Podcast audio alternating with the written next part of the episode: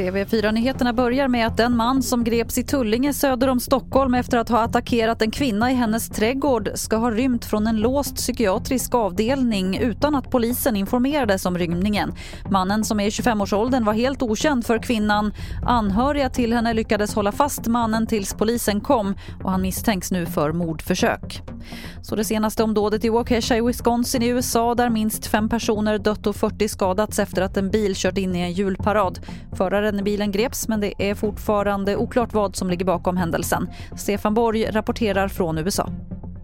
Man har sagt väldigt lite om, om gärningsmannen, eller rättare sagt man har gripit en person av intresse som man säger. Man har inte sagt om det här är terrorbrott, eh, om det var bilens förare, ägare eller vem det var. Vi vet väldigt lite. Nästa besked ska komma i en presskonferens klockan åtta svensk tid ikväll så vi får vänta på de uppgifterna eller vad som läcker ut innan dess.